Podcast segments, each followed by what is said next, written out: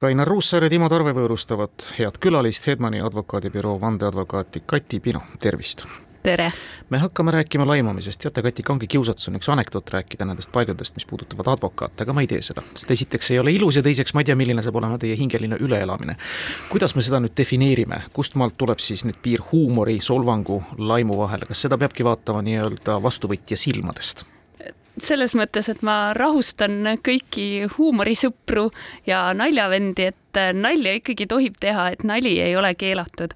aga eks nagu kõigi asjadega siis äh, tuleb äh, hoida seda piiri, et, et millal nagu nali läheb selliseks isiklikuks ja solvavaks versus siis see, et äh, millal ta ikkagi on siis satiir või siis noh, päevakohane. et et äh, aitäh, et see advokaatide anek-, anekdoot rääkimata jäi, sest ma tavaliselt ei pea neid eriti naljakaks. selge. jah, mul tuli kohe üks anekdoot lätlaste kohta, aga ma ei, igaks juhuks ka ei räägi seda. aga pilkamine on ikka lubatud? on ikka jah aga kus siis ja kes siis saab tõmmata piiri selle musta huumori ja solvangu või laimu vahel, see minu jaoks on see piir natukene hägu noh, eh, eks see olenebki sellest, et eh, kuidas nagu publik sellest aru saab ja kuidas siis selle nalja või pilke objekt ka sellest aru saab. et äh, kui võtta lihtsalt mingisugune kommentaarium lahti, siis noh, seal ei ole kohe kindlasti tegemist äh, mingisuguse satiiri või musta huumori võtmes äh, sellise asjatundliku kommentaariga, vaid pigem nagu sellise äh, plärtsumise ja emotsionaalse väljendamisega, eks ole, mis noh, tihtipeale läheb ka siis ikkagi sellisesse solvavasse ja isiklikku territooriumi. Kati, ma hetk tagasi muide lugesin ühte kommentaari, see oli siis nüüd sotsiaalmeedias suhteliselt avalikult jälgitav, mis jälle puudutas ühe ajakirjaniku pahameelt teise vastu et äh, laskesuusatamine vot nii ja naa ja, ja kolmandat moodi, seda võib tõlgendada mitut moodi, sest et äh, see on juba üsna selline isikliku piiri peal ütlemine. kust maalt me siis nüüd võtame selle, see, kes märkuse tegi, laskesuusatamise ülekannete kohta kindlasti arvab, et ta teeb adekvaatset meediakriitikat, vastuvõtja ei pruugi niimoodi arvata. et ma tulen jällegi sellesama küsimuse juurde tagasi, kas see kõik on, sõltub äh, nii-öelda vastaja vastuvõtuvõimest, tema hingelistest üleelamistest, nagu see popp väljend on meil? no see sõltub ka sellest vastuvõtja positsioonist ja mina kahjuks ei ole lugenud seda kommentaari, eks ole, aga noh, kui see kommentaar oli näiteks selline, et noh, laskesuusaülekandeid on liiga palju, eks ole, noh siis seal ei saa nagu keegi solvuda, eks ole. aga kui seal näiteks on öeldud, et noh, Tarmo Tiisler ei, ei tea asjast mitte midagi, on üldse ähm, rumal, eks ole, asjatundmatu ja võhik, eks ole, et noh, siis sellisel juhul see juba nagu võib, võib seda võtta isiklikult. kui võetakse võrdlus ette juba Vene propaganda Jevgeni Solovjoviga, vaat siin läheb asi vist päris kurjas kätte või? See on noh, kohe kindlasti ei, ei ole see nagu enam kohane võrdlus, eks ole, et noh, objektiivselt võttes eh, meie laskesuusaülekanded ja Vene propaganda ei ole ikkagi võrreldavad meie Timoga saame aeg-ajalt enda kohta meile saadetud kirjades ja meie kohta postitatud kommentaarides lugeda, lugeda karme väiteid, nagu kõik teisedki ajakirjanikud, isegi solvavaid väiteid, aga noh, see käib meie palga sisse. peaministri või Riigikogu liikmete kohta võib internetist leida samamoodi väga palju inetuid ütlemisi. kas avaliku elu tegelased peavadki nagu olema paksema nahaga ja taluma kriitikat paremini? Neil on see talumiskohustus natukene küll jah, et äh, kui sa oled iseennast asetanud sellesse positsiooni, et sa oled avaliku elu tegelane, et sinu tegemised, ütlemised on rohkem avalikkuse luubi all, siis äh, osaliselt peab tõesti olema ka paksem nahk. et noh, kõike loomulikult taluma ei pea, aga noh, see, mida minu kui noh, tavainimese kohta või võib öelda või, või kui palju siis mina pean nagu niimoodi lihtsalt minna laskma versus see, mida näiteks peab tegema peaminister, et need on äh, kindlasti erinevad see vist on ka väljapoole täheldada, teie praktikas kindlasti täheldada seda, et üha rohkem on kõikvõimalikke pöördumisi, kus vähemasti küsitakse konsultatsiooni või nõu, et kas ma selle asjaga hakkan üldse kohtusse minema, et ta mu, ma ei tea, kas kleiti või silmavärvi kritiseeris või ütles üldse minu kohta midagi väga halvasti.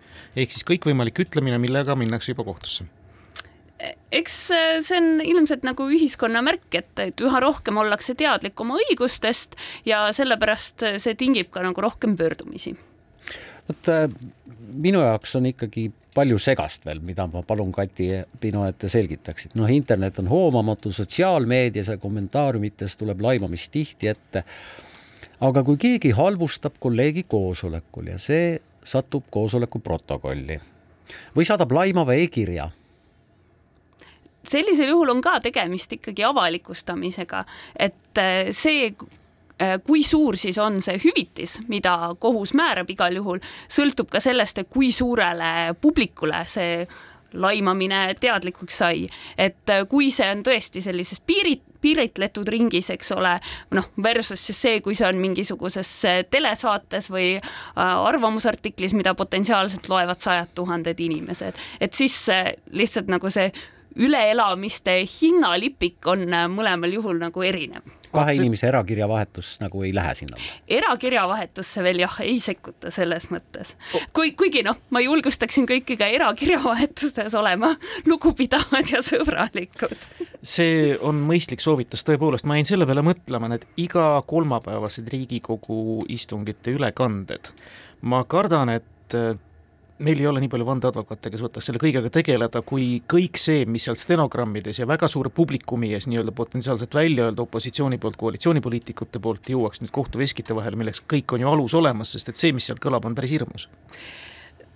Jah, et seal on väga koloriitsed väljaütlemised, aga eks ja need on päris otseselt solvavad, laimavad, valetavad ja nõnda edasi jah, aga eks ilmselt nagu koalitsioonipoliitikud võtavad seda ka nagu pragmaatiliselt, et noh, juhul kui ma võtan kogu selle stenogrammis öeldu ette ja hakkan igat asja eraldi nõudma, siis äh, lihtsalt mul ei ole enam aega oma koalitsioonipoliitiku tööga tegeleda. aga ma saaksin rikkaks. hinnalipikust rääkides ja enne hinnalipingut äh, veel, Timo, muide sulle teadmiseks, et Riigikogu liikme töö sisse käib selline käitumine, vähemalt nii on mulle viimase aasta jooksul mulje jäänud, aga Äh, kuulge, äh, Kati Pino, ütlesin halvasti, ületasin viisakuse piire, saan aru, vabandan, kas sellest siis ei piisa? viimase aja kohtupraktika on leidnud, et tõesti vabandamisest üksi ei piisa enam. et noh, muidugi kui kui teine pool on nõus, eks ole, et see vabandus piisab, siis jah, aga kui ikkagi noh, ütlesite halvasti, eks ole, teine pool pöördus, ütles, et ma solvusin, eks ole, või et see käib minu au kohta ja ka au pihta ja teie siis puhtsüdamlikult vabandasite. aga noh, siis see ei võta talt ära õigust ikkagi nõuda mingit rahalist hüvitist, aga kui kohus siis vaeb, kui suur peaks olema see rahaline hüvitis, siis seda, kas ollakse vabandatud ja kas nagu see vabandus on päris ja nagu tõeline ja siiras, siis see lihtsalt mõjutab seda, et kui suur see hinnalipik siis siis lõpuks kujuneb. mina tahaks selle hinnalipiku juurde nüüd tulla, me saime lugeda, et tõepoolest kohus juba määrab hüvitisi taoliste asjade eest, kohtuvälistes kokkulepetes on ka see võimalus ju kõigil olemas. no senimaani on ju see kahjuhüvitis pigem olnud selline alla tuhande ja kolmsada, viissada, aga nüüd üks hiljutine juhtum, ma katsusin ta üles leida, ei leidnud nii kiiresti, on juba ka selline, mis kõneleb meile viiekohalisest nii-öelda summast, kas kümme tuhat ja natuke peale oli samamoodi üks sõna sõna vastu juhtum, üks halb sõna nii-öelda ja teine inimene läks ennast kaitsma, kas me oleme sinnamaale jõudmas juba, et eh, see hinnalipik ongi nõnda kõrge? ei ole veel, et, eh, et üldiselt eh, jah, nagu need hinnalipikud jäävad sinna noh seal Riigikohtu analüüsis, mis siin hiljuti avalikustati, et seal oli toodud, et mediaan aastatel kaks tuhat üheksateist kuni kakskümmend kaks oli viissada eurot ja siis keskmine oli, kui ma nüüd õigesti peast mäletan, oli tuhat kuussada viis eurot. et see kahekümne tuhandene oli noh, üksik erandjuhtum, noh, meil on ka olnud näiteks üks, vähemalt üks kümnetuhandene juhtum, äh, kus oligi tegemist telesaatega, eks ole. just, just. Te olete advokaat ja oskate meile kindlasti selgitada, et mida siis kohtud laimamise kahju hüvitamise määra, määramisel nagu arvesse võtavad, mida nad ala, analüüsivad, kas rikkumise raskust äh,, sõnakasutuse raskust, kestvust, intensiivsust või ka, ma ei tea, solvaja majanduslikku olukorda? See, sellist äh, nagu asja meil veel ei ole välja töötatud, et, et milline sõna on raskemalt solvav kui teine, aga, aga noh, eks ta ikkagi natukene mängib sinna eh, sisse, aga seda, et äh, kui suurele publikule ehk siis noh, kui intensiivne see rikkumine oli, seda võetakse kindlasti arvesse. seda, kui kaua see kestis, noh näiteks kui kirjutan oma, oma Facebooki seinale mingisuguse asja, onju, ja siis teine inimene ütleb mulle, et kuule, see on jama või ma ei tea, ise tuleb pähe, eks ole, et võib-olla ei olnud kõige õigem, kustutan ära. ja noh, kui see intensiivsus oli väiksem, et siis nagu see mõjutab ka seda kahjuhüvitist. Äh, teatud juhtudel võetakse arvesse ka kostja majanduslikku seisukorda ja seda, et millises positsioonis ta on, et noh, see on siin eelkõige mõjutanud äh, pressideliktide puhul ja me meediamajasid just, et vähem nagu eraisikuid Kati Pino, kas seegi nüüd on selgeks vaieldud, et ka vahendajal või platvormil on oma vastutus, ehk siis Delfi versus Saaremaa laevakompanii, mis jõudis ju Euroopa Inimõiguste Kohtusse? Jah, see on selgeks vaieldud. tuletame meelde, mis see lahend oli, et vahendajal on vastutus. on, et just nagu meediamajad, portaalid peavad tekitama selle võimaluse, et saaks raporteerida halvustavast kommentaarist ja peavad siis ka nagu sellega tegelema, et ei, ei saa nagu lihtsalt öelda, et mina seda ei kirjutanud, tõstan käpad püsti mm. -hmm. ja aga see puudutab ka Facebooki muide mingil määral kindlasti, aga noh, Facebookis muidugi nagu see sisu modereerimine on oluliselt noh, väiksemal juhul, et noh, Facebookil on ka näiteks äh, Facebooki gruppides on ka mingisugused reeglid ja mingisugused sõnad, mis äh, saavad nagu kohe mingi lipukese külge noh, pannakse kinni, eks ole, või öeldakse, et, et teie grupis ei modereeri piisavalt hästi, teie grupp on nüüd mingiks ajaks suletud.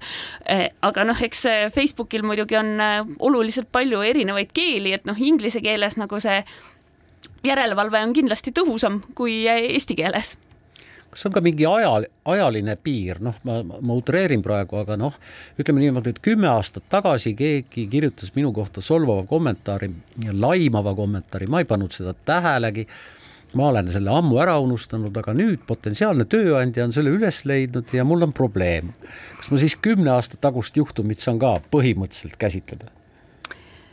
Noh, meil on õnneks olemas ka selline, selline instituut nagu aegumine õigus, õiguses, eks ole, et eraõiguslikest suhetest, noh, mida see laimamine ka on, see on lepinguväline võlasuhe siin, sellised juhtumid aeguvad kolme aasta jooksul teadasaamisest mm.. et, et igavesti tõesti ei saa nagu üles kaevata vanu asju ja nende põhjal siis mingisuguseid nõudeid püsti panna põnev maailm, olgem jätkuvalt viisakad ja ettevaatlikud üksteisega suheldes, aitäh teile tulemast, Hedmani advokaadibüroo vandeadvokaat Kati Pino!